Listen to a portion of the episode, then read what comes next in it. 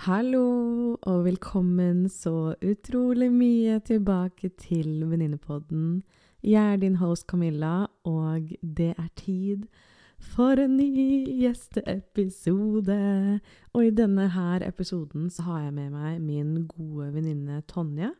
I denne episoden her så snakker Tonje og jeg i hovedsak om hvordan det er å avslutte ulike kapitler i livene våre.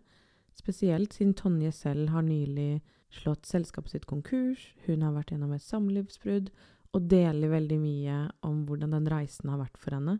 Samtidig er det noen gode digresjoner underveis som vi syns hører så godt til temaet med å avslutte. Og tonnevis, eller tonjevis Jeg kan ikke si det. Er tonnevis av klisjeer underveis som jeg syns er helt nydelige. Men jeg gleder meg skikkelig til å dele denne episoden her med deg. Det er en av de lengre episodene, så bare vær litt ekstra tålmodig. Men virkelig, hvis du hører igjennom, så kommer du virkelig til å få like stor glede som jeg har av å utforske Tonje sitt fantastiske sinn og kunnskap. Så kos deg, sett deg tilbake, nyt Tonje, for det vet jeg at jeg gjorde.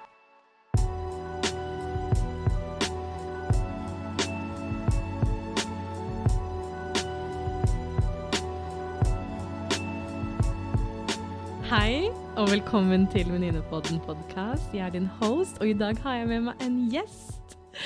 Hearts and love and everything. Jeg har med meg min gode venninne Tonje, som jeg også liker å kalle for Tony. Tony. Hei, Tony. Hei, vennen. Hei. Hei. Velkommen til Venninnepodden. Takk. Ja, jeg ser du smiler godt. Jeg smiler veldig godt. Veldig koselig å ha deg her. Jeg ble i godt humør. Ja. Ja, du gjorde det? Ja, jeg gjorde det. Er det føles det bra? Ja. Ja, det er veldig godt å høre. Min eh, venn Tonje, vi har jo kjent hverandre i hvor mange år?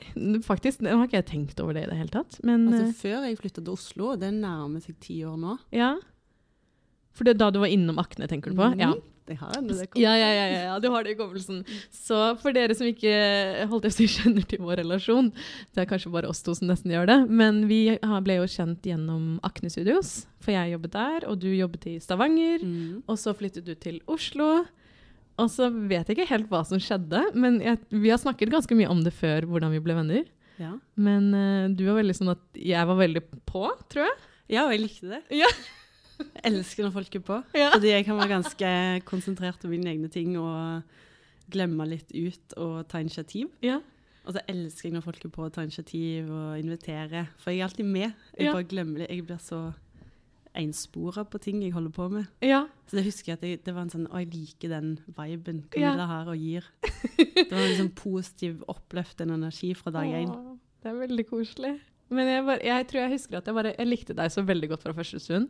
I lille Grønne Gata-butikken i Ja, Og så var jeg bare sånn Faen, hvem er hun her eh, Stavanger-dama her? Hun er råkul. Liten, men full av futt.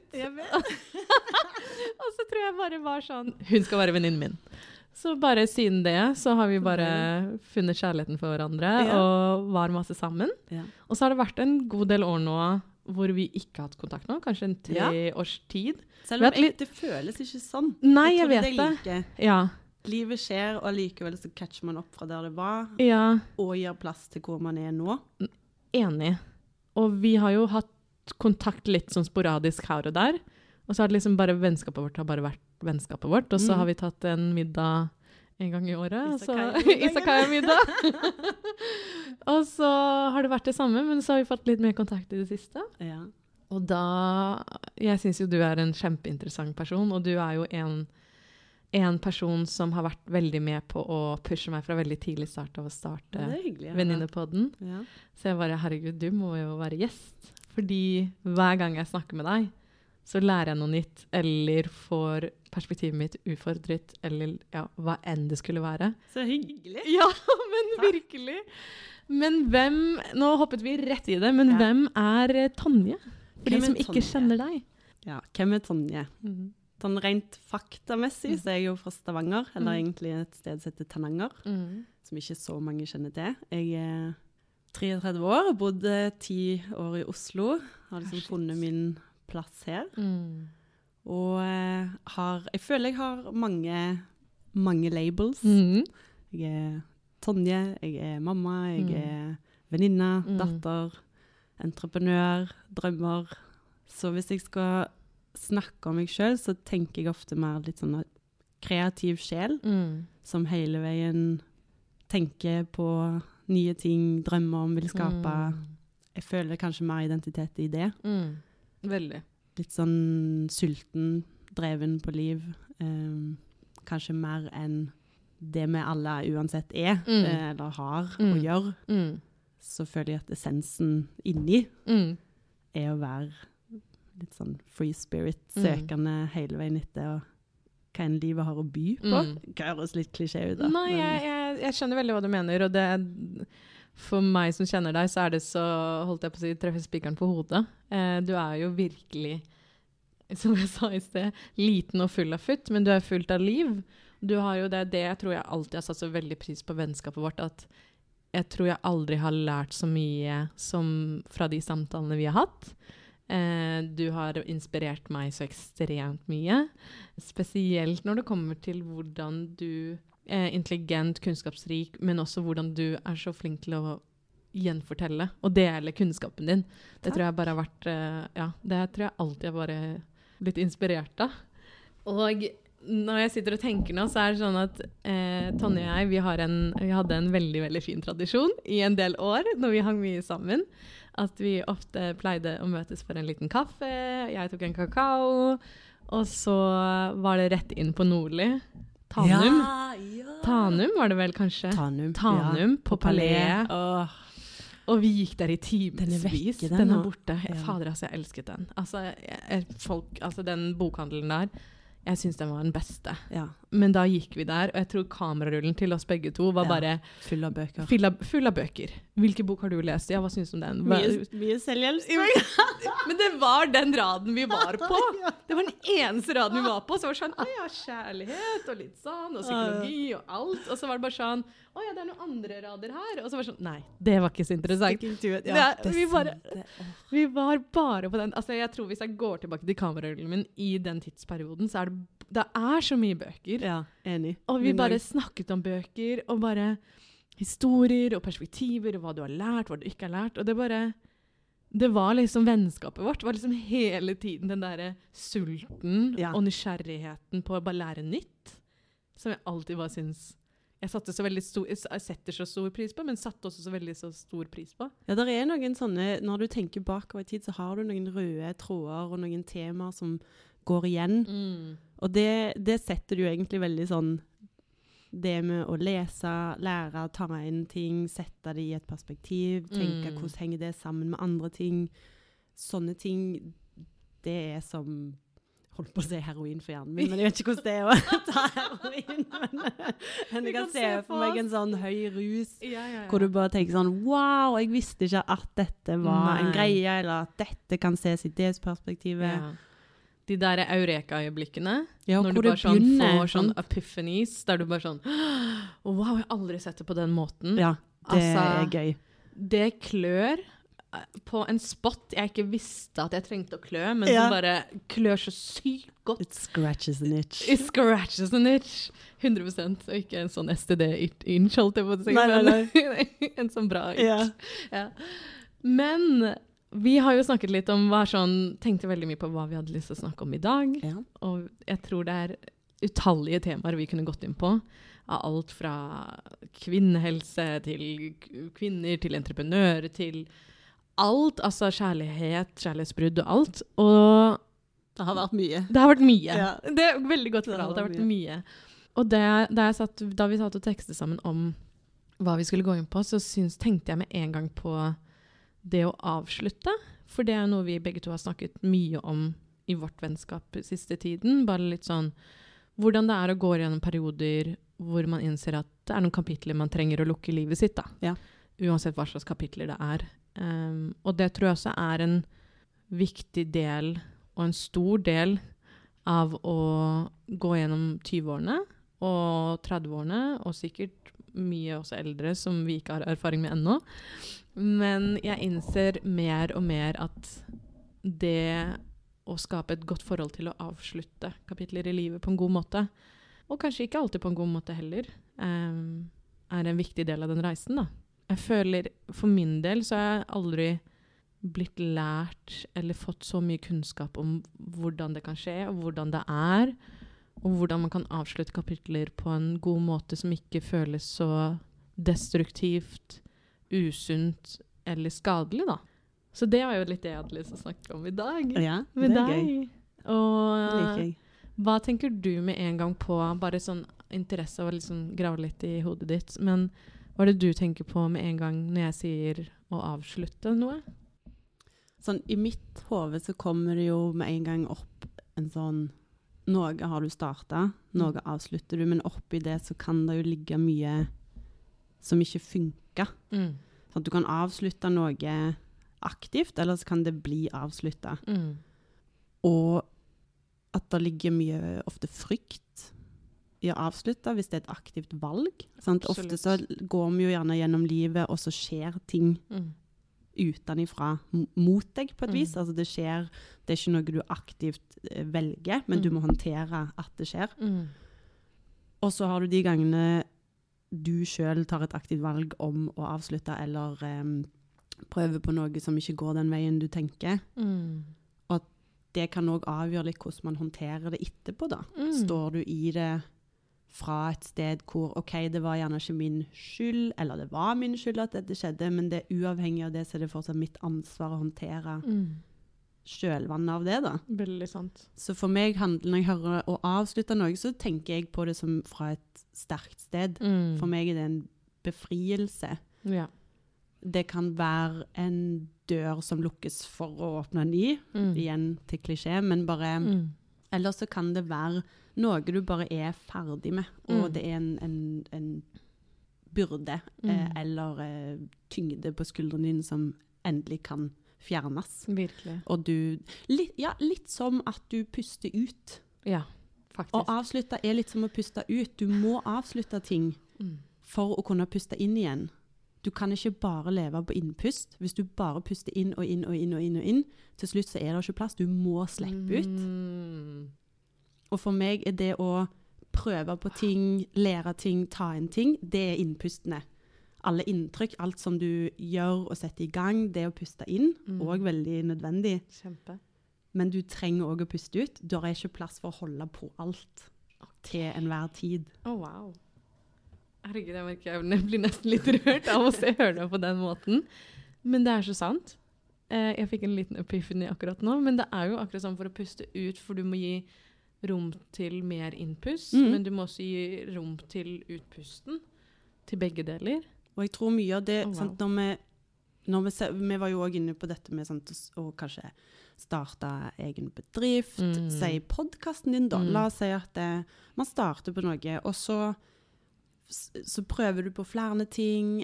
Du har gjerne flere sider av deg sjøl du vil Mm. òg teste ut. Eller, så til slutt så ender du opp med sant, Du har prøvd masse, du har tatt mange innpust. Men så blir vi så opptatt av å holde på. Vi vil holde på personer, vi vil holde på eh, en livsstil, vi vil holde på et prosjekt. Vi er redd for forandring fordi det funker jo, eller åh, dette vet jeg ikke hvordan funker, det er noe som eh, står i fare for å skurre med det som er. Så holder vi fast. Men Mm. det er jo som å holde pusten. Mm. Du, du kan, det er ikke bærekraftig. Nei. Og at akkurat som Og jeg vet, det, det kan høres veldig sånn «Åh!»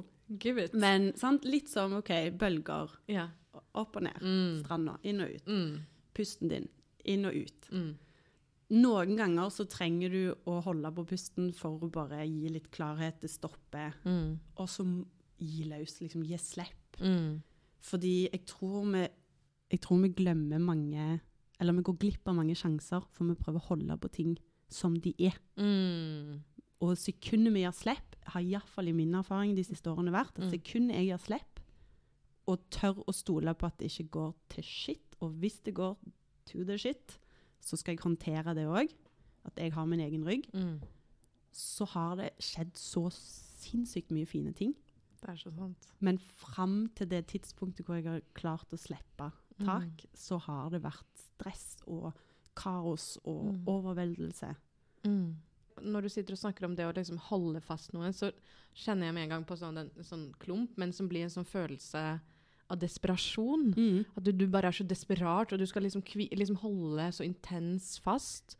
Og du vil ikke avslutte, du vil ikke lukke det kapitlet, du vil ikke si deg ferdig, du vil ikke si at det er slutt noe som helst, da.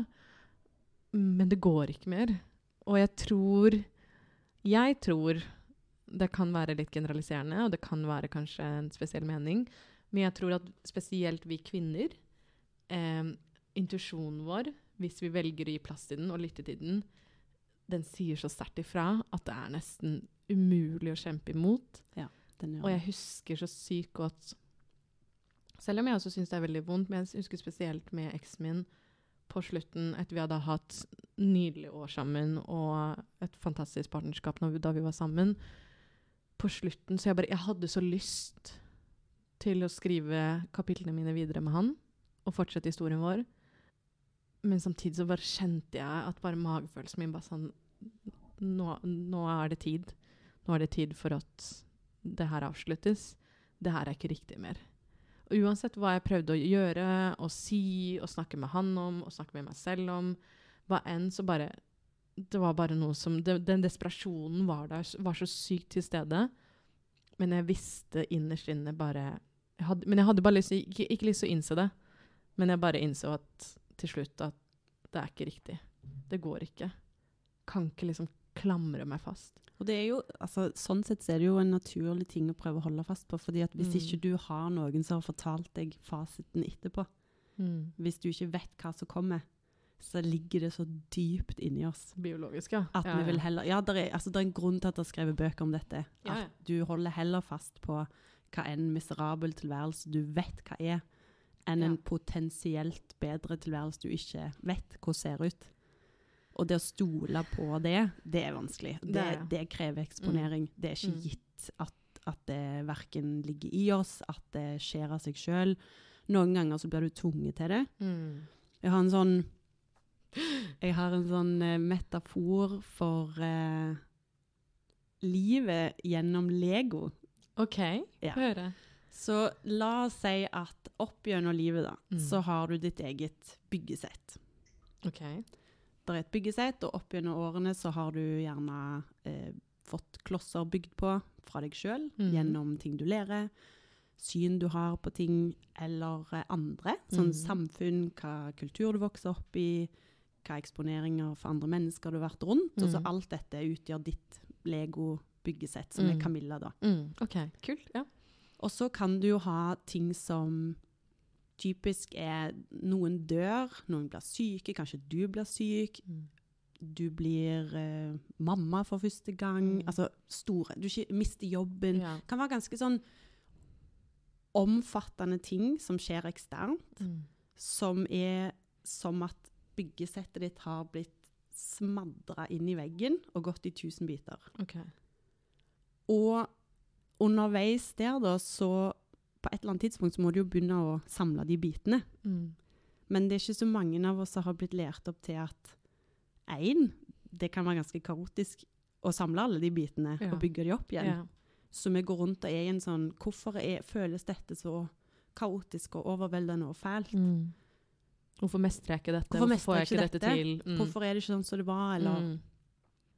Men for meg så hjalp det å ha en, et visuelt bilde på at nei, men du er jo midt i å samle bitene. Det er kaos. Mm. Du, livet som du kjente til det fra før, er vekke. Mm.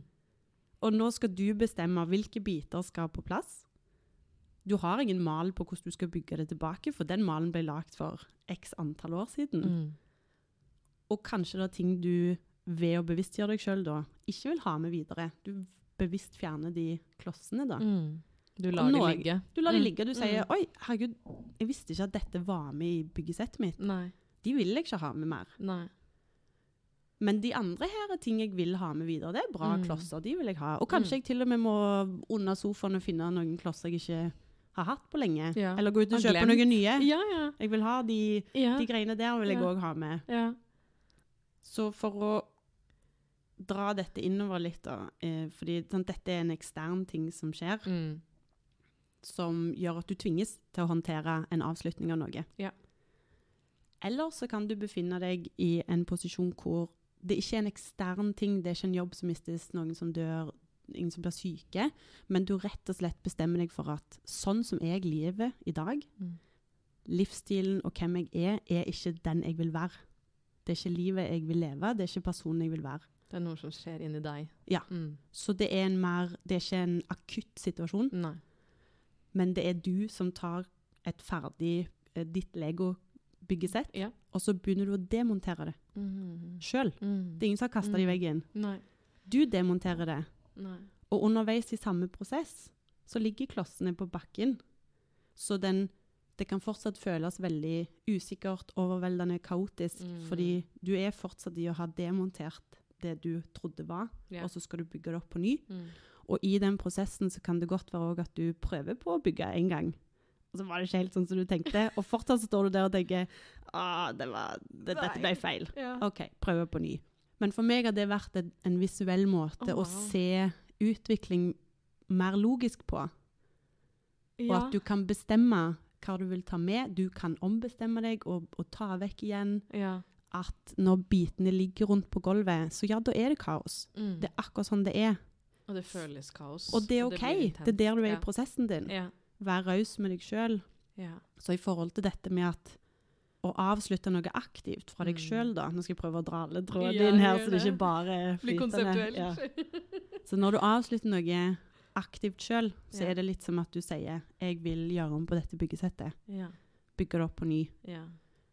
Og være raus med seg sjøl og stole på at selv om det er mange faser her, så stoler jeg på at den prosessen jeg Ved å bevisstgjøre meg sjøl på hvordan jeg vil ha det, hva jeg vil Mm. oppnå, Mm. ha noen drømmer du tør å gå for, så kan du påvirke og stole på at det går greit. Det betyr ikke at det ikke blir drit, men det kan fortsatt bli noe du føler er du som har styring på. Mm. Du som Du har autonomien til Ja, å gjøre det. Ja, du har autonomien. Det er ikke noe som bare skjer, og du må ta imot og bare kneble og faste hender. Ikke sant? Du, kan gjøre det. Ja, du har eierskap Ja. og kan ta ansvar Ja. og velge selv hvordan byggesettet ditt skal se ut. Det kommer fra et Jeg har ikke et bedre ord, men et empowered sted. Ja, men indre, ja, en indre kraft, da. Ja. Altså, en, du, du tar mer styring på ditt eget liv. ja, ja, virkelig. Og jeg tror at desto mer man blir eksponert for å se at ting kan gå ille, Mm. men fortsatt være noe bra som skjer etterpå, Mm. desto mer du blir eksponert for det, desto lettere er det òg å sette seg i sånne situasjoner. Men de fleste av oss vokser ikke opp Nei. med å bli oppfordra. Vi blir oppfordra til å passe inn i en boks. Ikke gjøre feil. Ikke gjør feil. Du blir veldig belønna for Ja. å, å Gjør gjøre det som du blir fortalt. Du blir Mm. belønna for å ikke gjøre feil. Mm. Og man skal ikke undervurdere at over mange år med masse repetisjon av å bli belønna for å ikke gjøre feil, så er det ikke gitt at du plutselig er 30 år og tenker nå skal jeg bare gjøre masse rare valg som ingen har lært meg å håndtere. Er. Det er så skremmende sant, for det er så indoktrinert i oss. Det der konseptet om å ikke gjøre feil, ikke dumme seg ut, ikke si feil, ikke stille dumme spørsmål, bare. Jeg syns du tar opp det her som jeg syns er så veldig veldig viktig. Først og fremst en helt nydelig metafor. Det er metafor man kaller det. Ja, jeg tror det. Ja. Metafor for livet. Metafor for livet. Metafor, Lego metafor for life. By Tony. 100% Men helt nydelig. Jeg, jeg merker jeg sitter her og glemmer at jeg skal styre en podkast, for jeg bare blir helt fortapt i det du forteller. Men det du sier med å lære oss med at man kan avslutte ting, det kan være vanskelig, men det kan bli bedre. Det kan gå bra. Det å bare være gjennom, få den erfaringen da, med å gå fra at ting kan være tøft, ting kan være vanskelig, ta noen valg, velge noe som kanskje er mer riktig for seg selv, om det handler om å forlate en jobb, avslutte et vennskap, avslutte en leiekontrakt, altså hva enn det skulle være, så er det jo det også å kunne vite at det, noe bedre kan komme, fordi at du puster ut, og gir plass til å puste inn noe nytt, og kan bygge videre på det. Ja. Men jeg tror hvis man ikke har hatt erfaringen med at ting kan være tøft, og så kan det bli bra, så er det så veldig skremmende at det, det, Ja. Man våger jo nesten ikke. Eller mann, jeg vet selv, da jeg sto skulle gjøre slutt med kjæresten min, at jeg var livredd. Jeg var sånn Herregud, jeg kom, kommer jeg til å finne noen igjen? Kommer, kom jeg til å Og det var for meg, da var det første gang i hele livet mitt hvor jeg var i gåsetegn, hermetegn, eller hva man sier, alene. Og det var det jeg var redd for. Jeg var redd for at jeg ikke kom til å takle å være alene. Jeg var redd for at jeg ikke kom til å takle å være uten en kjæreste, for det hadde jeg ikke vært aldri. Og det er jo mange som aldri er det. nettopp. Man har sjelden lyst, eller Mm. setter av tid bevisst til det. Mm. Fordi det krever at du òg må håndtere å være alene med tankene dine når det ikke er planlagt. Nettopp. Og det kan være ganske fælt. Fordi når jeg da var i et forhold, når jeg da var i for, da jeg var i et forhold, så kunne jeg velge å gå være alene, men han var fortsatt i leiligheten vår. Men nå, hvis jeg har stunder hvor jeg ikke har lyst til å være alene, hvor jeg er hjemme i leiligheten min, så er jeg fortsatt ofte alene. Jeg kan ringe en venn, kan dra og møte noen, men er mer, kan kjenne mer på den ensomheten. Da. Så jeg tror det skremte meg veldig mye til at jeg ikke turte helt å avslutte det. Men så kom det til et punkt hvor jeg bare innså at Men jeg må bare stole på meg selv. At jeg har ryggen min, og at jeg takler det. Og selv om jeg kanskje ikke vet hvordan jeg skal takle det, så må jeg bare prøve. Det, ligger, sant, det er mye frykt. Vi Veldig vokser jo opp med mye sånn sant, Jeg tror Hvis du ser på mennesker som vokser opp i miljøer f.eks. hvor eh, de har hatt foreldre som er gründere, eller eh, har eh, skuespillere, Mm. eller folk som har lykkes med ting. sant? De har blitt eksponert for at selvfølgelig, selvfølgelig går det an. Det er Mm. ikke noe frykt i det. Det er jo bare go get it. sant? Eller du har vokst opp med at det har vært råd til ting. Penger. Mm. Muligheter. Altså masse ting med Alle kommer fra forskjellige ting, men Mm. hvis du er vant med at penger er det lite av, så vi bytter tida vår mot penger, Mm. da kommer det til å være tankesett som du òg Til et visst tidspunkt så får du det, eller til et visst punkt i livet ditt så er det til masse hjelp. Mm. Men hvis du da skal begynne å for vokse en bedrift Mm. fra å omsette fra et par millioner til kanskje drømmen din er 100 millioner, da, Mm. da kan du ikke da kan ikke du spare penger ved å gjøre ting sjøl lenger. Nei. Du er nødt til å endre tankesettet ditt fra en sånn frykt om at det ikke er nok penger, det er ikke råd, Mm. til at det er overflod hvis jeg bare gir slipp på dette tankesettet. Mm. Og jeg kan se at disse ti personene kan betales for å gjøre den jobben Mm. mye bedre enn jeg kunne gjort Mm. med verken kunnskapen min eller tida eller hva enn.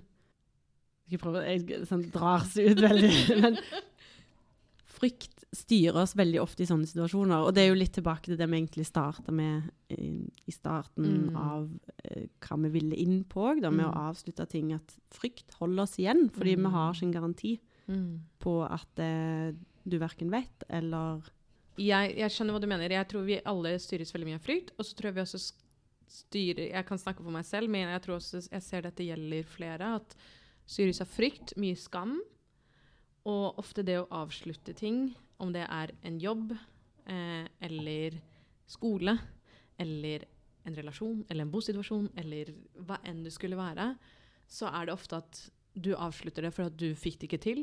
Eh, eller jeg kan se for meg at det der, jeg ser at det er ofte tanker som går igjen, og folk tenker at jeg fikk det ikke til, jeg er ikke god nok.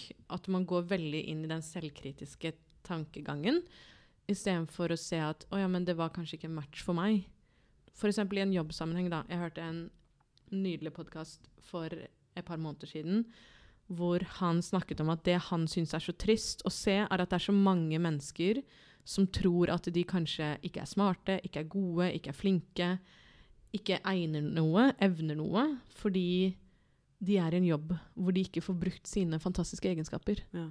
Og da istedenfor å se at å ja, men jeg er i en jobb nå hvor det kanskje ikke får frem de gode egenskapene i meg, men det er mer destruktivt eller kjipt eller et usunt arbeidsmiljø for meg, så tenker man at det er noe galt med seg selv. Ja. Istedenfor at nei, det er kanskje noe galt med det som er rundt meg. Og der tror jeg det er liksom viktig å, å lære seg å kunne se, og det krever jo veldig mye selvinnsikt, å kunne se seg selv i et veldig stort perspektiv, men også kunne se hvor er det hvor er det kanskje riktig å avslutte visse kapitler, visse deler av livet sitt, selv om det høres veldig makabert ut, men avslutte um, jobb, relasjoner, vennskap, forhold, da. Men grunnen til, og nå har vi jo kommet langt inn i podkasten, men grunnen til at vi hadde lyst til å snakke om det å avslutte, er at du har jo også vært i en hvis jeg får lov til å si det selv, men jeg opplever det som en veldig veldig spennende reise som jeg har observert jeg også- utenifra. Ja. Eh, jeg syns det har vært helt nydelig å se den reisen du har vært gjennom det jeg vet ikke, siste året. ja, jeg tror jeg det er vel nesten sånn òg fire års perspektiv, Ikke sant? men spesielt siste året. Spesielt siste året. Ja. Og hver gang jeg har møtt på deg, så er det den ene historien etter det andre av Ja. hva som skjer, hva du tenker, hva du har lært. Men fortell meg, hva, hva er det du har avsluttet som gjør at du har en litt spesiell, spennende reise? Ja. Jeg tenkte på det underveis nå når vi Altså, det har vært mye ting som ble avslutta. Bare for å ta en sånn litt lengre tilbake, da. mm. Så var jeg eh, Da var jeg ferdig med studiene. Mhm. Eh, Jeg hadde tatt en bachelor i finans her i Oslo. Ja, sant. Det har Ja. jeg, det glemt. Og det er jo etter å ha jobbet i retail i mange år, og jeg, det er på en måte mitt lille sånn kall. Mm. Um, men da gikk jeg finans, og jeg begynte på masteren òg. Mm. Og jeg husker at jeg, jeg visste tidlig at det var feil for meg. Men jeg eh, pinte meg sjøl gjennom hele semesteret. Jeg feila på så å si alle eksamene. Jeg tok alle eksamene, og Mm. det gikk ikke bra. Og så husker jeg at jeg snakket med mamma, fordi lillebroren min han hadde òg begynt på en master som han ikke likte. Mm. Men han lytta til at det ble feil, og trakk seg ut og sa dette, dette vil jeg ikke. Mm. Dette er ikke rett. Mm. Så var han ferdig.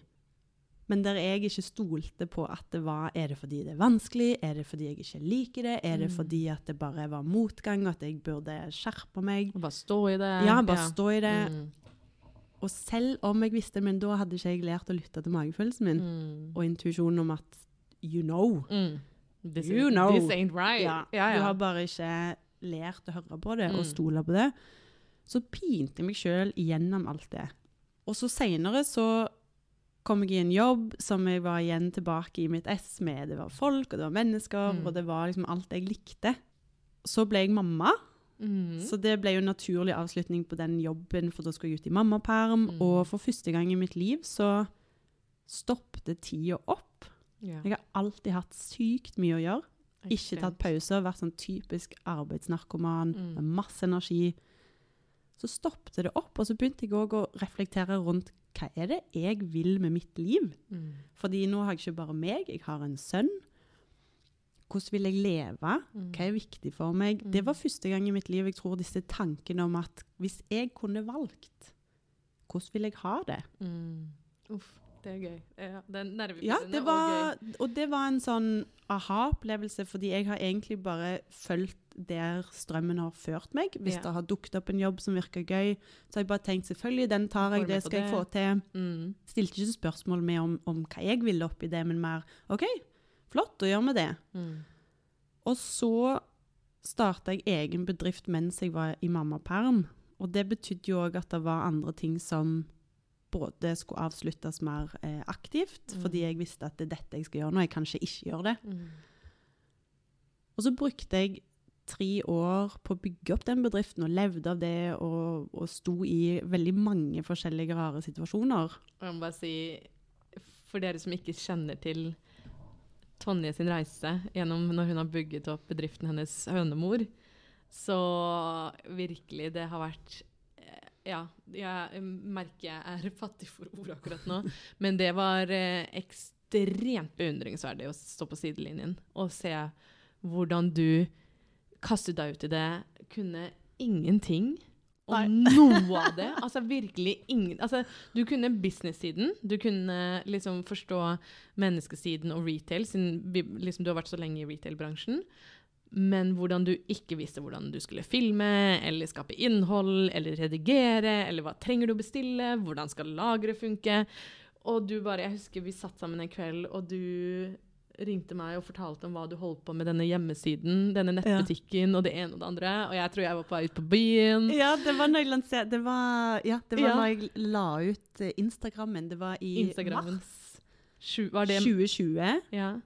Rett rundt lockdown. ja. Så tror jeg jeg la den ut, og da Ja, nei, nei, det må ha vært før det. Det fordi før Instagrammen kom før det. Men, men det var Du, Du var ute, og jeg Instagrammen. deg. Ja, du facetimer meg. Ja. Og så Og så sa jeg nå er det gjort, nå er Instagrammen ute. For det synes jeg var så skummelt. Du starter jo med null følgere. Du aner ikke om folk kommer til å le av deg, om de syns at det er kult, om du har noen følgere i det hele tatt som Ja. bygges. Du, du er på scratch. Ja, du. Ja, virkelig. Og plutselig så er det litt sånn OK, én ting var ideen, men Ja. hva gjør jeg nå? Gjør jeg nå? Nå er det her. Og da husker jeg at du facetimet meg, og så, sa, og så ble jeg så Jeg husker jeg bare ble helt hyperaktiv over at du bare har, Nå ligger Hønemor ute. Ja, Nå er Instagram-kontoen Instagram-kontoen live. Og så tror jeg du tok et screenshot ja, ja av det. bildene Du har bildet fortsatt, ja. Og vi bare var i så ekstase begge to. Og det må jeg bare ja, virkelig si, altså for ja, Jeg satt i den stolen der. Gjorde du? Ja. Nei! Jo. Herregud, så gøy. Ja, men altså, ja.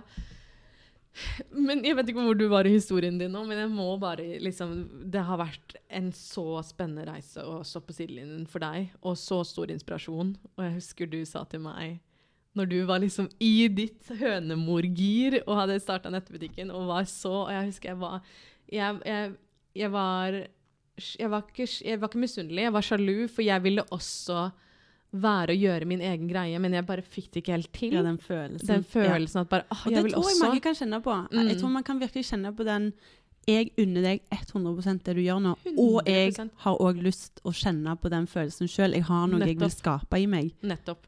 Og du trigget jo masse i meg, fordi jeg var bare sånn Jeg vil også være med på den bølgen din. yeah. Men så sitter jeg på stranda og bare ser deg surfe og bare wow, gjør greia di. Og så husker jeg du sa til meg en gang, og det har jeg tatt opp før i podkasten også, men du sa til meg det er egoistisk av deg å ikke dele gaven din. Ja. Og det må jeg gi cred til Kari okay. Oppsdal, som var første jeg hørte det fra. Ja. Um, hun sa det så enkelt som at alle har en gave, Mm. og det er trist for verden for hver som ikke deler den. Jeg, Mm. nå, jeg, jeg, jeg siterer det ikke husker- korrekt, nei. men det var det jeg fikk ut av den. Og det husker jeg var en veldig sånn fin påminnelse om at sant, det er lett å se på andre sine talenter Mm. og tenke at du vil òg ha det, og så glemme våre egne talenter. Mm.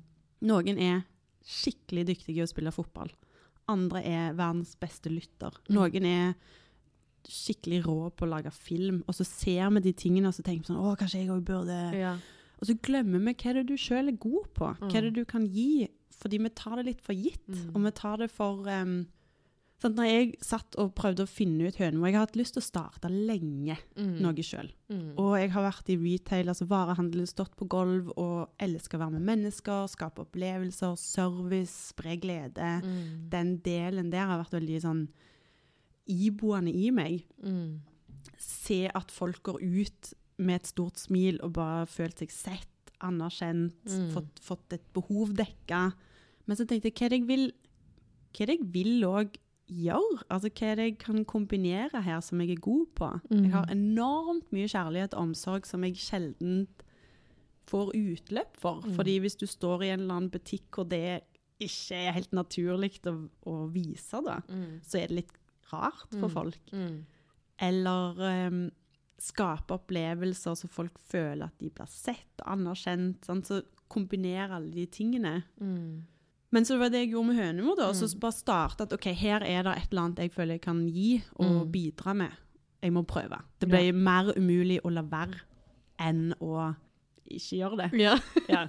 ja. ja, det er jo ikke bare bare det. Og det starter jo faktisk her på kjøkkenbordet som vi sitter. Dette er dette er, Dette er bordet, som står med nå. Er det det? i butikken. Ja. Det er det jo! Ja. Oh my god, det er hønemorbordet! Oh Da var det et annet bord, men da, sant, da pakket jeg varer, jeg klippet ut og printa. Eh, jeg husker jeg sjekka Jeg hadde et firma jeg hadde kjempelyst til å jobbe med på branding. Mm. Men vi hadde 100 000 som du enten kunne kjøpe varer for, eller kjøpe andre ting for. Mm. Og da ble det kjøpe varer og gjøre branding sjøl. Ja. Så da plutselig var jeg inne i grafisk design og prøvde å finne fonter, logo og farger, og det har endra seg så mye underveis. Ja. Men plutselig så fant jeg jo ting jeg tenkte sånn Wow, dette liker jeg å gjøre. ja. Ikke særlig god på det ennå, men med mange, mange Altså hvis du tenker da 1000 dager hvor du jobber med sånne ting, Mm. så til Så slutt så får du- du noe ut av det. Du blir bedre. Og du får en eller annen sånn kontinuitet i det. Ja. Men så det var masse ting som ble bare prøvd på, fordi at det var litt sånn Det gikk nesten litt sport i det. Ja. Sant? Hva, hva OK, Mm. eh, det er ikke perfekt, men ingenting av dette skulle være perfekt. Mm. Mm. Jeg følger egentlig bare hjertet, da. Mm. Og så, to år seinere, Mm. så bestemte vi for å åpne butikk. Alt dette gjorde jeg med broren min da, underveis, Mm, så han mm. var jo en enorm støtte i Mm. at du ikke står helt alene i, i det mentale. Mm. Men to år seinere bestemte vi oss for at nå åpner vi butikk. Mm. Og det var jo sant, det å leie bil, det å frakte varer, det er um, forhandlinger med husleier, og under det så har det vært ja, mye rart. Dette var jo òg under covid, Mm. så det var jo det var en rar Det var det rar tid å gjøre det. Ja. Men jeg bare tenkte jeg skulle ikke gjøre så lang historie ut av Mm. um, Så det var egentlig når butikken ble åpna, Mm. at de tingene som jeg da ikke var særlig sterk på alene, Mm. kom mer fram. Okay. Og det er ting som sånn drift. Yeah. Så ja, jeg, jeg er god på drift, men ikke når jeg skal ha alle hatter på. Ikke sant. Sant? Det blir mye. jeg kan drive butikk, men ting, veldig sånn banale ting som huske å ta bilaget fra e-posten og levere den til regnskapsføreren. Mm. Det er sånne ting jeg syns er vanskelig. Ja. Som er helt banalt for de Mm. fleste. Men å stå på video og dele av seg sjøl, eller å gjøre innkjøp for noen hundre tusen, det har jeg ingen problem med. Mm. Der blir ikke jeg stressa. Mm. Mens etter hvert så begynner du å ta igjen, sant? for du, du skal prøve å være perfekt på alt. Du skal Mm. prøve å sjonglere, og det er flaut å innrømme at du ikke får til alt. Mm. Og til slutt så havn, altså så gikk det et sted hvor jeg òg begynte å innse at dette, dette går ikke rette veien. Mm. Og i lang tid så prøvde jeg å redde det. Mm. Og til syvende og sist så, så gikk det konkurs. Mm. Og det, den sant, Det var en tid hvor du kanskje begynner å innse at det går den veien, Mm. men når du tar det innover deg Mm. Dette skjer. Mm. Så har du en veldig sånn lang prosess internt òg, fordi det er litt sånn Mm. det gikk ikke. Nei. Alt Jeg hadde ingen plan B. Nei. Jeg hadde ingen jobb å lene meg på. Det var ingen Jeg hadde lagt alt inn i det. Mm. Og underveis så tar du òg en del valg som du ikke tenker engang at skal være en konsekvens av, fordi du har jo ikke tenkt å gå konkurs, Nei. så det er ikke så farlig med det ditten og datten. Ja. Alt det plutselig kommer som en sånn svær hette over deg. Mm. Og for å dra det tilbake til dette med å liksom avslutte ting, da, Mm. så kommer det For meg så var det et tidspunkt sant? Det er de som avslutter aktivt. Jeg innså at dette skjer uansett hva jeg prøver å gjøre nå. Det er gått for langt. Dette er en konkurs, Ja. og jeg har et juridisk ansvar for å, å melde det inn. Ja. Men det satt så langt inne, fordi Ja. jeg visste ikke hva som kom til å skje. Ja. Jeg visste ikke hva konsekvensen av å melde noe konkurs var, og du Mm. kan prøve å søke, men veldig ofte så handler dette om juridiske ting som Mm. ingen egentlig kan rådgi deg, med mindre du er med en advokat. Mm. Så det satt ganske langt inne da, å ta den telefonen eller skrive den mailen. Jeg husker nesten ikke hva jeg gjorde, men det Mm. var rett og slett å melde det inn. Og så trodde jeg det skulle ta noen uker. Jeg trodde jeg hadde tid til å forberede at OK, nå må jeg informere alle. og liksom, Det var så mye people pleasing i meg Ja. som var sånn Jeg må passe på at ingen kunder har gavekort de ikke får brukt. Jeg må passe på at leverandørene er betalt. Altså, det var så mye sånn her må ingen lide, fordi Ja. at jeg ikke har håndtert min egen drift Mm. ordentlig. Mm. Dagen etterpå så ble jeg oppringt av bostjeren som tok over, og bare sa du må låse døra og gå. Hæ? Dagen etterpå. Hæ? Ja, hæ? Altså, jeg, jeg ble så satt ut, så plutselig så sto jeg rett og slett bare utfor min egen butikk, og gikk og vandra Men mens jeg prøvde å håndtere et sånn slags panikkanfall, tror jeg. Okay. Jeg tok bussen hjem, og så bare gikk jeg her på Frogner, mens jeg husker jeg hadde sånn. Ja. Ja. Og så tenkte jeg sånn Nå Nå Dette var snålt. Hva gjør jeg nå? Nå er det ferdig. Men samtidig oppi det, da Fordi det var jo utpusten, sant? Jeg ga slipp. Jeg pusta ut. Jeg hadde holdt pusten så lenge Ja, ja. i frykt for alt fælt som kunne skje. Ja. At det var mye bedre å bare stå på den skuta selv om jeg så at det sank. ja. Men idet jeg tok den avgjørelsen om å ringe inn De sa nå er det done, dette er det prosesser for, nå, det, nå tar vi over her, så innser jeg òg at dette skjer daglig. Bedrifter går konkurs daglig, og det er prosesser og systemer, og det er så ryddig. Mens jeg hadde Jeg tatt alt så personlig. Ja, ja, ja. ja og så blir du møtt med noen som bare sånn Her er forløpet, du skal ikke gjøre noe sånn, sånn, sånn. mm. Og så ser du òg sant, Jeg skrev til alle da som ble, ville bli påvirka av dette. Mm. Noen er jo helt nydelige. sånn, Hva kan vi gjøre? Kan vi hjelpe med noe? Andre er sånn Du, ingen problem, takk for beskjed, lykke til videre. Mm. Og andre eh, tok det skikkelig personlig. Oi, Altså leverandører som bare ble ufine, da. Og tydelig har, har du, du innser da at Oi, wow, dette Her blir jeg møtt med min største frykt. Ja, ikke sant. Jeg har skuffa noen, de tar det skikkelig fælt, de blir sure og Mm. sinte og, og vil krangle. Og så akkurat jeg bare henter en sånn OK, jeg skjønner at dette var kjipt for deg som nå har disse kronene tapt fordi du ga kreditt til en liten bedrift. Mm. Og samtidig så måtte jeg òg huske på at det handler om de. Mm. Her har de tatt noen valg som de nå angrer på. Ja, det er utenfor din kontroll. Du står uten jobb, du har Mm. en sønn. Bedriften du har jobbet med i tre år, har gått konkurs. Mm.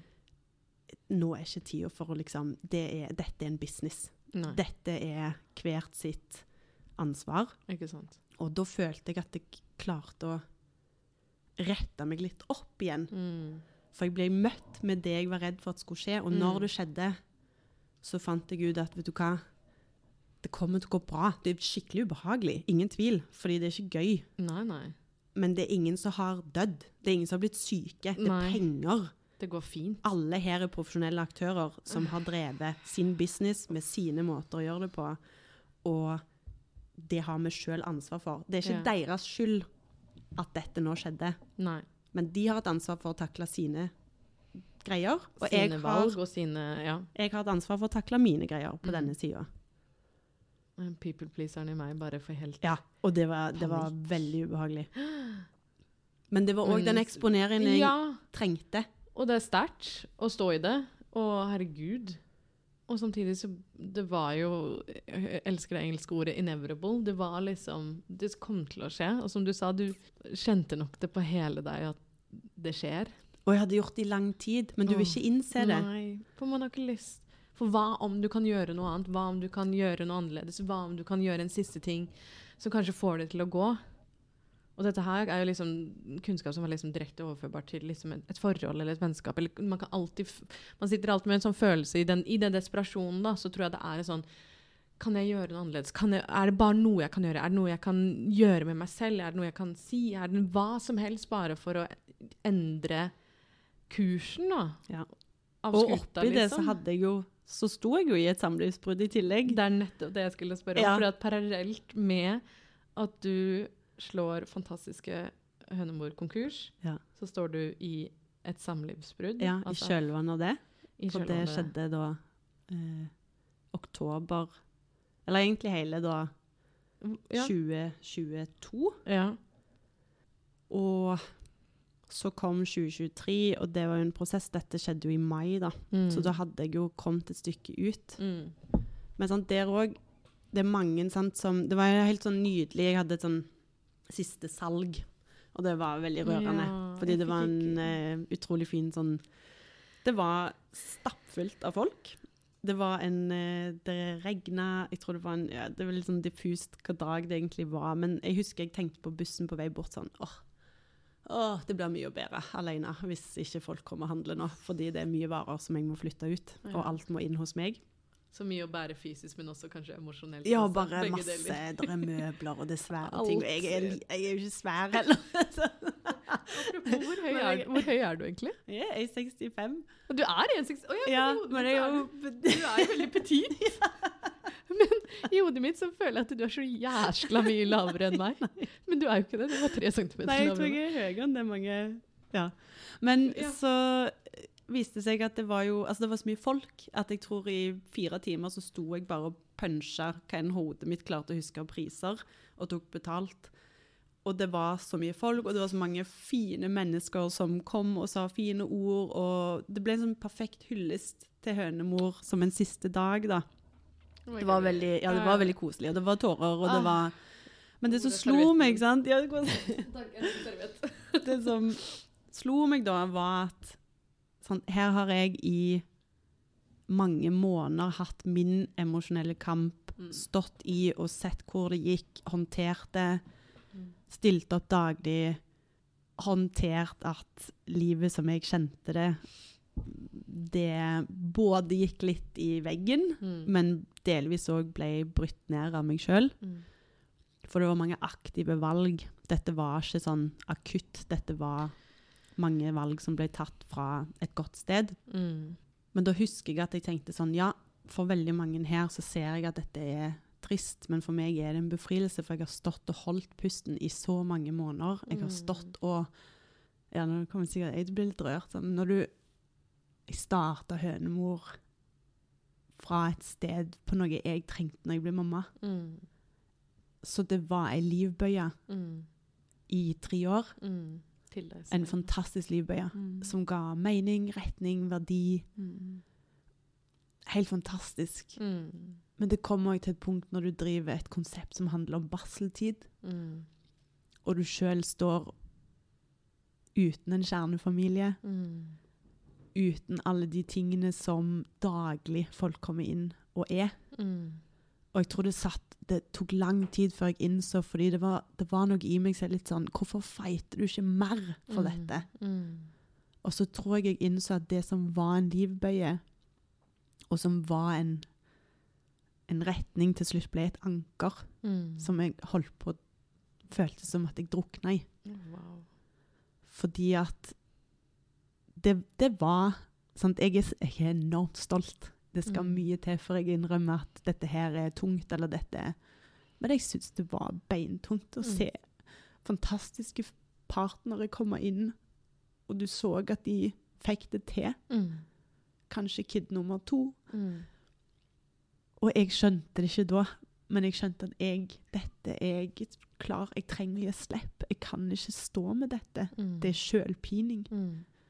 Fordi at det der jeg klarte å være for alle andre, Mm. funka når det ga meg Mm. en, en, noe påfyll. Mm. Men jeg innså at eh, nå, nå er ikke dette godt for meg heller. Jeg Mm. lever i en tid som jeg ikke klarer å, å være i lenger. Mm. Og da er jeg ikke den hjelpen heller. Jeg, klar, jeg klarer ikke å kommunisere det jeg trenger.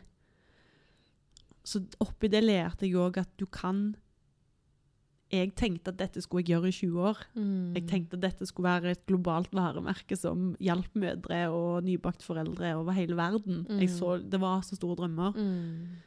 Og nå tenker jeg mer på det som at jeg tror det var en katalysator, en, en, en ekspansjon for meg i å se at jeg ble eksponert for at dette fins, du kan gjøre dette. Mm. Du kan bygge det fra så å si null. Mm. og det kan du gjøre igjen. Dette var en katalysator i den tida. Mm. Kanskje fins det andre, andre ting som skal Mm. lages i løpet av livet ditt. Mm. For nå vet du at det går an, og du har masse lærdom hva du ikke ville gjort på ny igjen.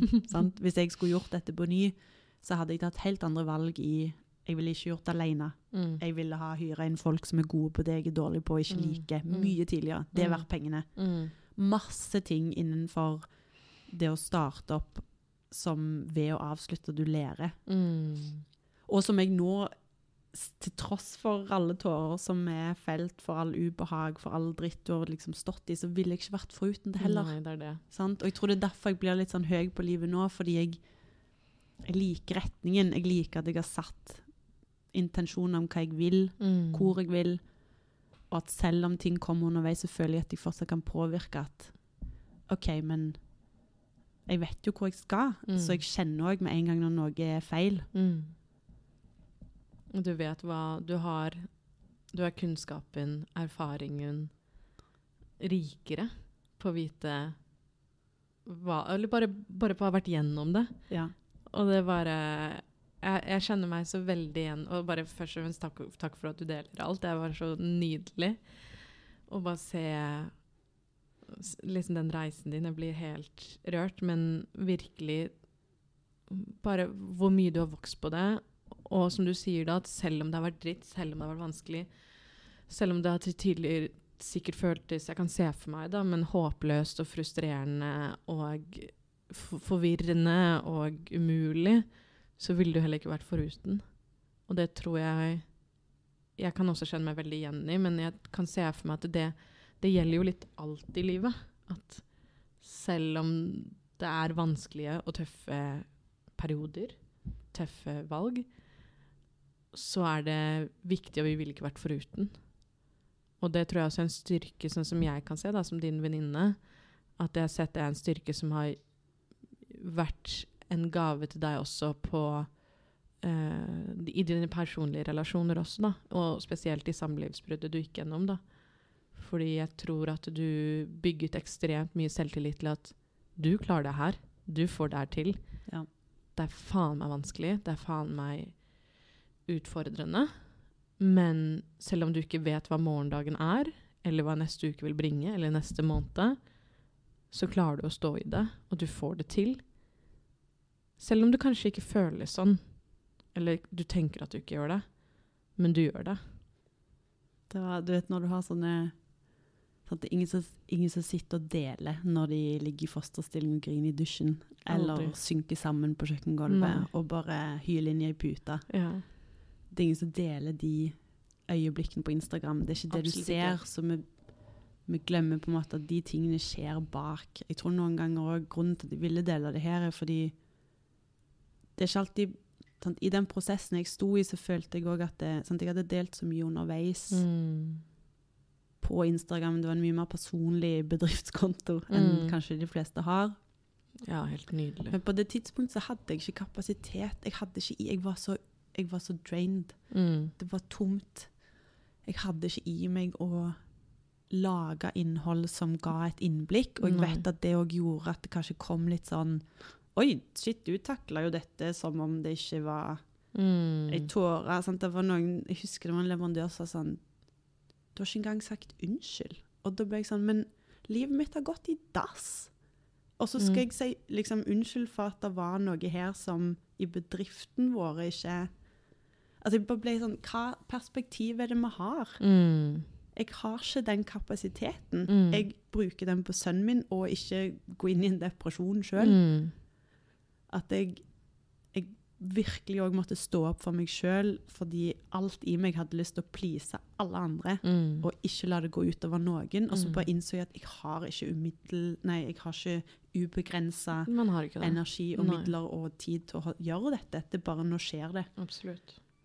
Og at oppi, oppi å gå gjennom det, så så, så jeg jo òg at mange av relasjonene mine ble sterkere med de jeg hadde rundt meg, Mm. som jeg var ærlig med å åpne opp. Mm. Og hvor de òg gjerne gikk gjennom ting som de følte at det da var trygt å dele tilbake. Ikke sant. Så oppi den dritten så var det jo veldig sånn Herregud, jeg er glad i klisjeer. Sterke røtter som ble festa. Hvis du spør en gang til, Camilla, hvem er Tonje, så vil jeg si sånn En vandrende klisjé. Men jeg sier det alltid. Klisjeer er klisjeer, for de er så sanne. Ja. Det er for en grunn. Så please, give us the clichés. Ja. Hva skulle du si? Nei, nei, det var det med disse Du får sterkere røtter, var det ja, det du sa? Det var, det var Ja. klisjeen. Det var, det var en dårlig klisjé til. det, det var en kort klisjé, i hvert Ja, fall. veldig kort. Veldig kort, men veldig fin. Ja. Men jeg tenker jo det litt sånn Jeg liker jo ikke det uttrykket 'what doesn't kill you makes you stronger', for jeg tror ikke på det. Jeg tror mye av det som De vanskelige periodene kan føles ut som at de dreper deg, og jeg vet selv noen av mine vanskeligste perioder, altså dødsfallet til pappa, Mm. sykdomsforløpet hans, Um, plutselig måtte flytte til Oslo, gjøre det slutt med første kjæresten, eh, begynne å studere, møte kjæreste nummer to, flytte med han, innse plutselig at det her går jo ikke Hva var det, fire-fem fire, år nesten senere. Um, og noen av mine tøffere perioder så har det vært Det blir så mørkt at du vet nesten ikke hvordan du skal komme deg ut av det. Det, virker, det blir så håpløst. Så jeg liker ikke det uttrykket, Men samtidig så er jeg veldig takknemlig for de tøffe periodene. Um, og sett at jeg kan også vite nå at det er lys gjennom tunnelen jeg kommer gjennom det. Eh, og ha tillit til meg selv. Og lytte til meg selv hva som er riktig for meg Mm. å ha, og hva er riktig for meg å avslutte. Men det gjør det ikke noe mindre tøft, men det bare Man er kanskje litt roligere ved det. Mm. Men det er mye, ja. Det er mye jeg ikke Sånn som i dag, den jeg er i dag, så er det mye jeg ikke ville vært foruten. Uten tvil. Men jeg skal ikke ta det bort og si at det betyr at det var lett, eller liksom en dans på roser. Det, var, det, det har det ikke vært. Um, så jeg tror det er det, altså at For meg så bare blir det at det å avslutte visse deler av, eller kapitler av livet mitt, vet jeg også nå med erfaringen jeg har hatt, at kan være begynnelsen på veldig mange fine nye kapitler.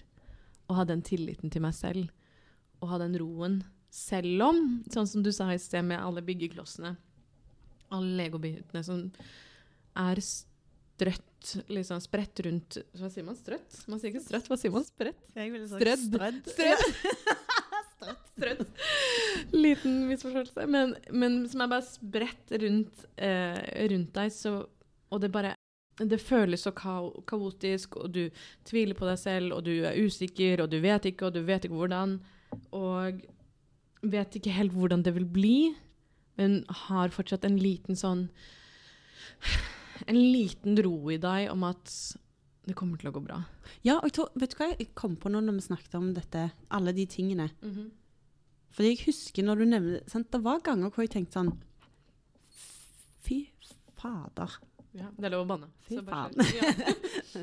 Dette føles så jævlig. Mm. Det føles som om jeg er midt inne i en tunnel. Jeg ser ikke Mm. ver verken av utgangene. Jeg vet ikke hvor lang den er engang. Jeg vet ikke når det slutter. Jeg, har bare, jeg, jeg vil bare legge meg ned, men det kan jeg heller ikke gjøre. For hva skjer da? Jo, da jeg kan jo ikke ikke ta vare på sønnen min. Jeg kan ikke ikke eh, betale regningen. Eller, sant? Det er Nei, nei. ting du bare skjønner at det, Du det hjelper ikke. Du må gå videre. Jeg må gå opp neste Mm. dag.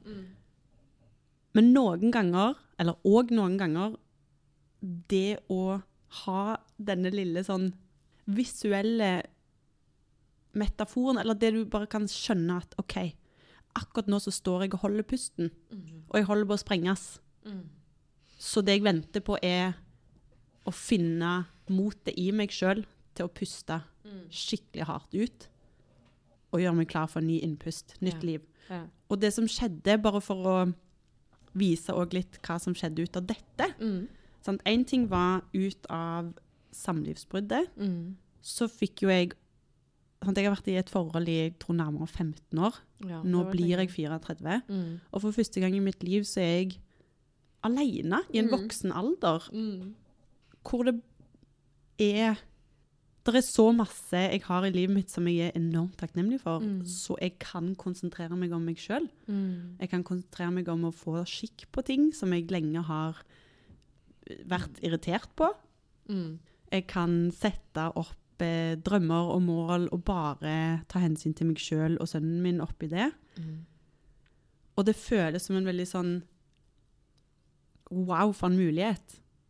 Ja. Fordi jeg òg klarer å se på det som en mulighet, og ikke noe fælt. Ja, eller en begrensning. jeg ser at her er det masse kan Masse kjekt som kan komme. Så det var den ene. Den andre, som jeg syns er kanskje det sykeste, var De to som hadde inspirert meg og vært min sånn expander på at du kan drive en bedrift sjøl, Mm. det var Kristian og Ingvild, Mm. som har Heaven Sent her i Oslo. Elsker de. Og samme uka som hønemor ble slått konkurs, så det er en så random historie. Sant? Jeg hadde vært på en eller annen sånn vokseavtale, tok en annen vei på vei til butikken, endte opp med å gå innom Valkyrien og bare ta en kaffe, for jeg Ja. skulle rusle til jobb på Sankthanshaugen. Ja. Kristianne var på jobb der. Okay. Vi begynte å snakke, som vi ofte gjør hvis vi har truffet hverandre, og jeg har vært Ja, kunde. Ja. Og så ble det bare en sånn Havna inn på noe om nettbutikk og digital og markedsføring. Og så tenkte liksom ikke jeg noe mer på det, for jeg var jo midt oppi en svær prosess med Hønemark. Jeg husker jeg hadde sittet på finn.no og vært sånn Å nei, det finnes jo ingen jobber som dekker det jeg får her i Hønemor, med autonomi, frihet, skaping. Produksjon, alt. Ja, liksom. og sånn Jeg elsker jo entreprenørskap. Mm. Og så dagen etterpå så er det et ubesvart anrop på mobilen min. Jeg tar veldig aldri Jeg tar sjelden telefonen. så får jeg Så tenker jeg at det skal jeg selge. Så får jeg en melding av Ingvild, som er den andre eieren. Hei, vi vil gjerne ta en prat med deg om en stilling. Og fra der så gikk det slag i slag. Jeg visste ikke at det skjedde på denne Jo. måten. Jo, det, var, det kunne ikke kommet mer ut av ingenting. Og så tilfeldig. Og alt jeg ønska i en jobb, oh, wow. fikk jeg servert Ja, veldig sant. av de som var opprinnelig inspirasjonen. Og det for meg er et veldig sånn eksempel på hvor jeg ser at OK, du kan få innpust. Jeg vet jeg drar tilbake til innpusten Ja, ja. hele veien. Men sant, ting kan spire opp fra der du har et sted sådd masse gjødsel, da, Mm. som du ikke aner. Du aner For du har gjerne ikke vært eksponert for at det går an. Mm. Mm. Du kan få det ut. Sant? Jeg trodde jeg skulle sitte i en viss prosess inne på Mm. finn.no, Mm. måtte inn på Nav. Mm. Det var en lang prosess. Altså, det var så mye der jeg trodde bare Det er jo sånn man gjør nå. Mm. Og så plutselig så sto der et jobbtilbud Mm. fra noen fantastiske mennesker som jeg har hatt lyst til å jobbe med lenge. Mm. Og jeg hadde aldri i mine villeste Aldri. drømmer kunne se for meg at det var måten det skulle skje på, men det krevde at jeg ga slipp på hønemor. Men er ikke det bare et så perfekt Altså, det, det her er grunnen til at jeg ønsker å endre det narrativet med at det å avslutte er bra. Gratulerer. Hurra for deg. Fordi det åpner opp muligheter for så mye annet. Så mye i deg selv, så mye rundt deg. Ved en gang du velger å ta det utpustet, som du sier, og avslutte, så er det en, det er en styrke, og det er en styrke i deg, og det er noe Det åpner opp for altså Jeg merker jeg klarer, stokker om så vidt på ordene mine, holdt jeg på ordene mine, fordi jeg har alltid sett på det å avslutte som en svakhet, som at du er mislykket. Ja, du feiler. Du feiler, Ja. du får det ikke til, du er ikke god nok. Istedenfor at det er en styrke og noe fantastisk til å være sånn Du ser at dette ikke er riktig for deg. Ja. Bra. Good for you. Det er jævlig bra. Ja. Eller du ser at du ønsker noe annet, eller du ønsker noe mer, eller du ønsker det på en annen måte. Eller du har tillit til at det som kommer, og det du åpner som en mulighet for, kan være fantastisk, men du vet ikke hva det er ennå. Men du har tillit til at det blir faen meg Ja, fantastisk. for det er ikke så binært. Nei, sant? nettopp. Og, og nå skal jeg dreie ned, for hvis det er noe jeg elsker, så er det sånne sånt Michael Jordan-dokumentar, Beckham-dokumentar. Oh, det jeg har sett er Beckham-dokumentaren. jeg. Elsket den. Og hvis du bare ser på folk som har lykkes, Mm. hva er det de har vært igjennom? Veldig ofte mange nei. Veldig mange nei. Sant? Veldig mange nei. Og så? JK Rowling, hva er det? Tolv forlag, så ga han et nei. Det handler jo ikke om at hun feila på boka, men det var ikke en match. Nei. Folk så ikke det hun så. Mm. Rebecca, hvor mange ganger har han ikke bomma, eller Mhm. ikke fått til noe? Mhm. Disse tingene med sånn For vi, nå snakker jo vi om å avslutte, men Mm. for å kunne avslutte noe, Mm. så må du òg tørre å starte på noe. Mm. Det er der det begynner. Mm. Og jeg tror veldig ofte så får vi ikke eksponeringen av å avslutte, for vi tør ikke begynne. Ja. Sånn, Du kan ikke avslutte en podkast og begynne på en ny podkast hvis du aldri starter den første. Ja. Hvis du aldri tør å åpne deg sjøl opp for å, å elske noen, så kan du heller aldri avslutte og finne en, en annen match. Som er enda bedre for deg. Ja, Mm. Eller oppleve at den første matchen var fantastisk. Ja, Det absolutt. også. Eller du, hvis du ikke tør å begynne i en eller annen Eller prøve på en eller annen drøm, Mm. så kan du heller aldri vite Nå spår jeg litt, men sant? veldig ofte så blir det snakket om f.eks. innenfor entreprenørskap. Mm. Så har man et litt sånn stereotypisk skille på menn og damer. Mm. Menn har gjerne mye mer sånn tech-relatert. Det Mm. er en plan, det er mye mer tall, det er vekst fra dag én. Eller at de har planlagt for vekst. Mm. Damer i Nå vet jeg jeg snakker stereotypisk, Ja, generaliserer, ja. generaliserer. At vi har et eller annet vi plutselig ser at oi, det er flere som vil ha dette. Mm. Og så istedenfor at vi bare får lov å prøve, og så komme til neste level hvor vi ser at Å ja, det var mye mer folk som ville ha dette enn jeg trodde. Mm. OK, prøve litt mer, da. Mm. At du tillater deg sjøl at vekst kan skje på to forskjellige måter. Noen har en boom. Ja. Rett frem. Rett vet planen, vet sant? hvordan. Ja. Jeg tenkte jo ikke at hønemor skulle kunne omsette for det han gjorde, Mm. det det gjorde, når jeg starta. Mm. Og jeg tenkte ikke på at det skulle jeg, Da drømte jeg ikke om de samme tingene som jeg gjorde ett år ut. Mm. Fordi du får en eksponering underveis. Mm. Fordi du hele veien tør å starte på nye ting, tør å åpne opp for nye ting. Ja. Mm, mm, Den sida jeg bygde første gang, er noe helt annet enn jeg bygde på slutten. Og hva jeg kunne da, og hva slags eh, Jeg satt jo ikke og leste om koding i starten. Da var det YouTube. sant? Nå er det mer sånn mm, Kan det vært gøy å lære koding Ja, ordentlig? Ja, tørre å starte, fordi at det å avslutte er jo egentlig bare en sånn øh, Skal jeg gi deg en god klisjé? Garantert hørt det. da. Hvilken da? Nei, altså Rejection is redirection. Yes! Den slår aldri Si feil. Og, ja, Si det igjen. rejection is redirection. Thank you. Og den er helt gull, fordi hvis du ser på det som at en eller annen greie styrer deg i en annen retning, og alle har sin prosess Jeg var ikke her i denne tankegangen for fire år siden. Nå, alt av et eller annet som skjer, er jeg sånn OK, hva forteller dette meg? Hva skal jeg reflektere over nå? Men det gir et sånn uovervinnelig optimistisk håp på at det er så mye kjekt i vente. Hvis jeg bare ikke lar meg knekke underveis. Du har ikke rett. Og vi er så mange, hvis vi begynner å ta litt historikk på hva vi har vært igjennom, og da mener jeg du som lytter nå, du har garantert et drøss av historier som Mm. du har bare kommet deg gjennom, ikke tenkt på at det var noe svære greier, men hvis Nei. du adder de opp på hverandre, og ser på hva du har hatt igjennom, ser på hva du har tålt, ser på hva du har lært, Mm. men det, Det er ganske mye. der er det mye, Og det er en um, mye seighet. er, Ja, veldig mye. Eh, og det er et, uh, en klisjé som jeg liker. Come on, come on. Jeg elsker det. Som er, men den er kanskje ikke så klisjé ennå, men jeg har hørt den ganske mye i det siste. Men det tror jeg også er fordi at jeg er veldig observant på den. Du Mm. vet sånn Ja, Du vet et sånn bias, jeg Mm. husker ikke hva det heter, men det er et, når du først har sett det, det er et sånt konsept, men når du har sett det én gang, så ser du det igjen og igjen. Ja. Jeg husker ikke hva det heter. Men eh, som er det at til i dag, alle de tøffeste periodene dine har du kommet deg gjennom. Ja. Alt det verste du har vært gjennom, har du kommet deg gjennom Ja. til i dag. Og det bare minner jeg meg selv på, litt sånn selv i de vanskelige periodene. Ja. Bare, det jeg trodde skulle knekke meg sist, har, har ikke knekt meg. Det er sant. Og jeg kom meg gjennom det. Ja, du Og kom deg gjennom det. Og du trodde det skulle knekke deg der og da. Og du trodde at resultatet kom til å bli jævlig. Ja. Men så har det ofte blitt så mye bedre enn jeg kunne forestille meg. Ja. Så det Det er der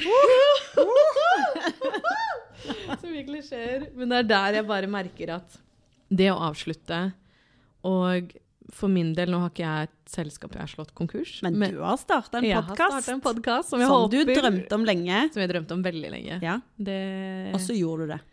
Å, fy faen. Det var, Det er mange, modig. det var mange telefonsamtaler med deg. Der jeg Og det er modig. Takk. Da har jeg sagt Det- er veldig stolt av deg. Tenk at vi sitter her og spiller inn. Det er ganske Det er ikke episode én, det er ikke to, det er ikke tre. Nei. Du nærmer deg tretallet, liksom. Jeg vet. Det Tre- er 30-tallet, mener jeg. Ja, ja. Tretallet. Nei, det er eh, Ja, det er episode 29. Det er ganske mm, Ja, jeg glemmer å se det litt selv. Det Ja. Jeg har fått mange påminnelser på det den siste uken av x antall venner, så jeg veldig, føler meg veldig heldig som har venner som eh, vil minne meg på å feire hva, den reisen jeg har vært på. Da. Ja, og det er sant. Nå er du i gang med å dele gaven din, Ja. som Sant. du tidligere har forbeholdt venner. ja.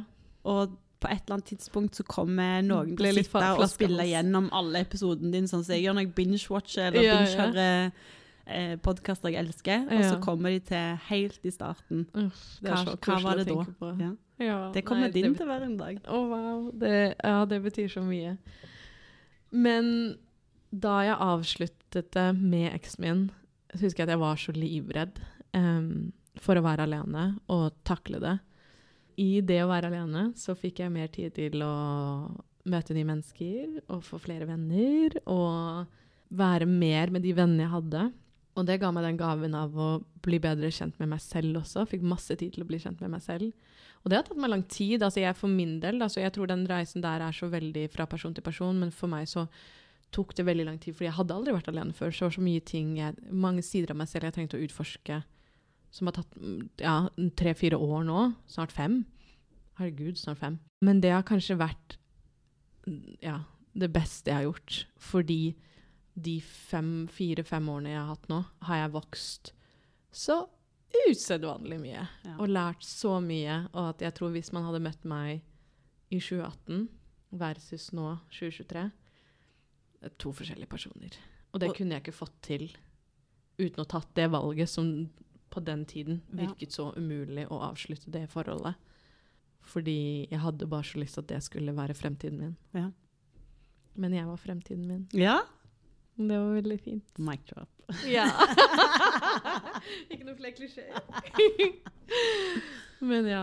Så det er det jeg tror jeg bare Jeg tror vi begge to kunne snakket om dette her. Både det her og, og styre inn på temaer om f.eks. avvisning eller repetisjon eller erfaring eller starte i timevis. Men jeg tror hvis det jeg ønsker å si, det å avslutte noe, er bra, og det er viktig, og det kan skape så mye fantastisk. Men da tenker jeg på litt sånn Hva tenker du at du ønsker at de som hører på, skal sitte igjen med når det kommer til temaet å avslutte? Godt spørsmål. Ikke ta det så høytidelig.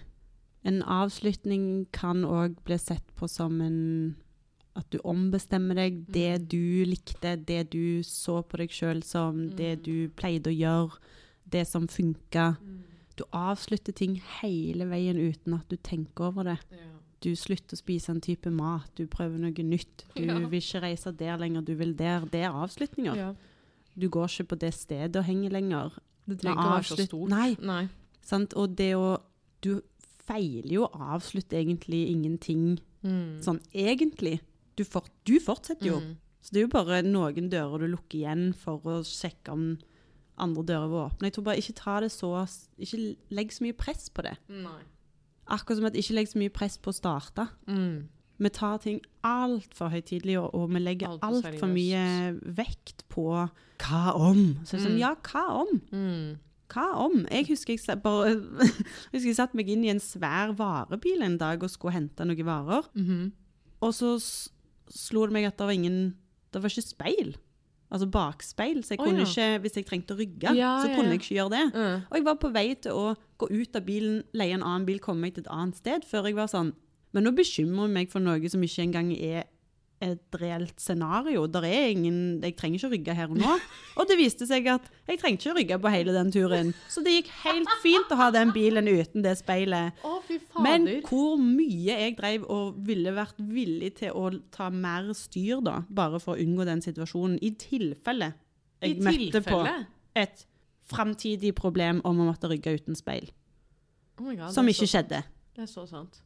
Og så mye vi setter oss opp for å kunne håndtere de Vi skal kontrollere alt, og vi vil ha styring på alt. Men mest sannsynlig så skjer det ikke. Nei, vi bekymrer oss så mye. Alle. Veldig, veldig mye av det jeg har bekymret meg for, har ikke skjedd. Det er så Og så har det dukket opp helt andre ting, og det har jeg håndtert.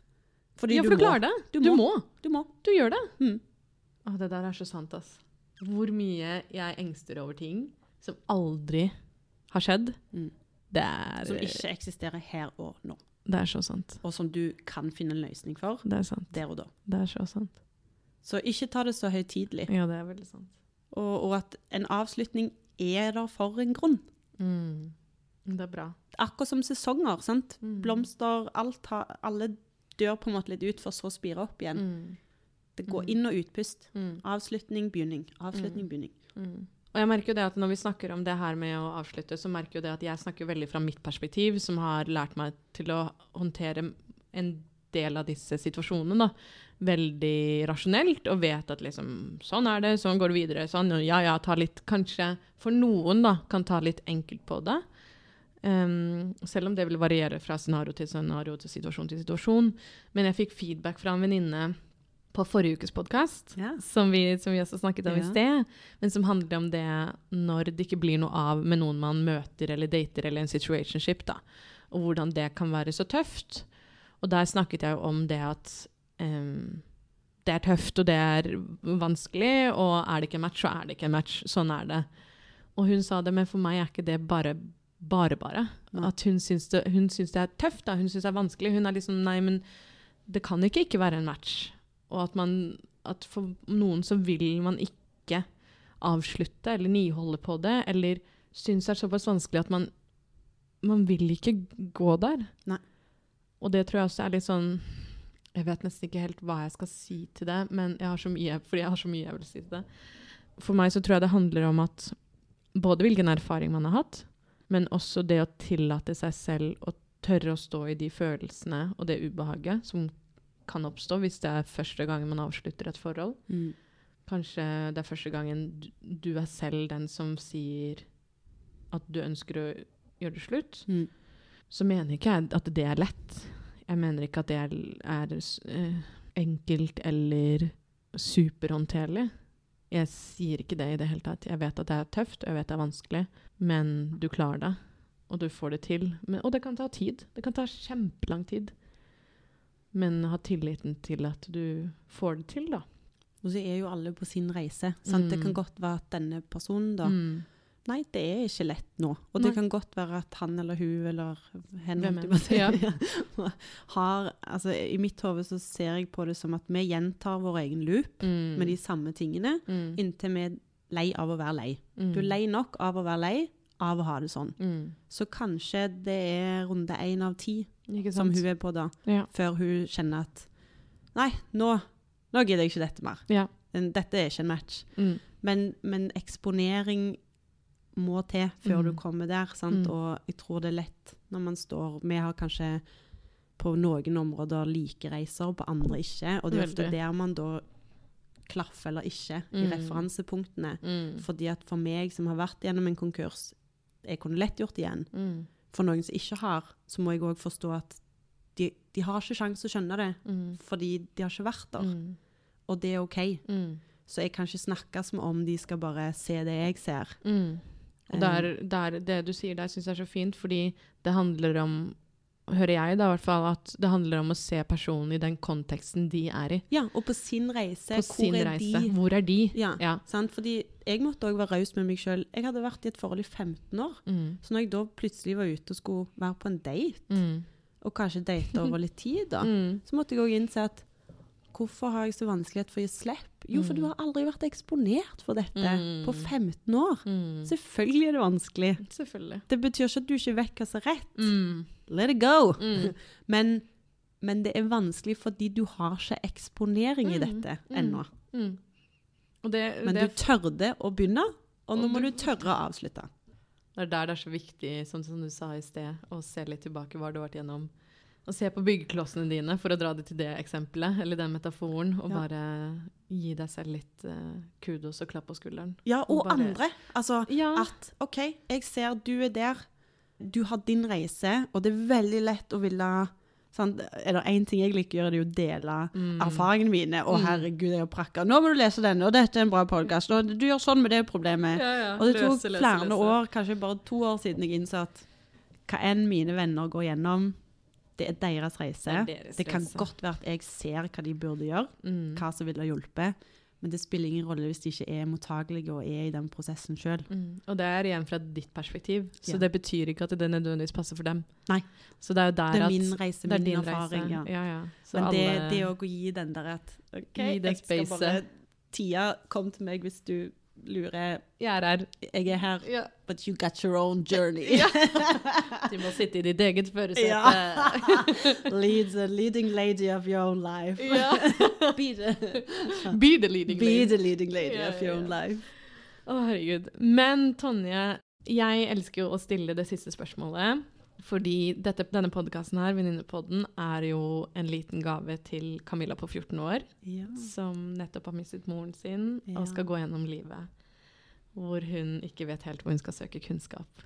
Og da lurer jeg på, hvilket råd ville du gitt til Tonje på 14 år? Og til Tonje på 14 år. Mm. Å, lille Tonje. Tony.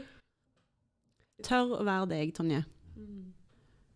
Tør å vise verden hvem du er, og vite at akkurat som du elsker alle andre rundt deg for den de er, med alle sine corkiness, så er det akkurat det i deg som gjør at andre elsker deg og vil være med deg og verdsette deg, og at det er helt OK å ikke vibe med alle. Det handler ikke om deg, punktum. Det er bare sånn verden funker. Heller være mye for noen enn et skall for mange. Oh, wow. Kan du si det siste igjen? Heller være mye for noen enn et skall for mange. Oh, wow. Har du tenkt mye på det i det siste? Jeg tror jeg øver meg ennå. Jeg Ja. tror jeg sier det jeg kanskje hadde trengt å høre Ja, tidligere. ja, jeg skjønner. Det var veldig fint. Så jeg må bare med dette her og denne nydelige samtalen vi har hatt, si tusen takk. Det har vært så hyggelig å ha deg med, og så gøy å dele fantastisk deg med mine lyttere. Ja, takk for at jeg fikk komme. Ja. Det var jo en, en ære. Ja. det har vært så hyggelig. Jeg syns det er veldig gøy at de som er gjester, får lov til å ta outroen, outroen på podkasten.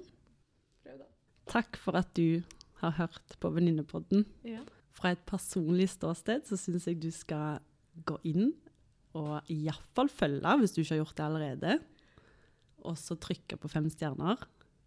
Fordi det betyr at flere kan lytte til Venninnepodden. Mm. Flere kan få innsikt, kunnskap, gode lyttende ord og litt sånn støtte i hverdagen. Og spesielt fordi jeg mener Camilla er nå å dele gaven sin med verden, og alle burde få lov å få en sjanse til å få motta denne.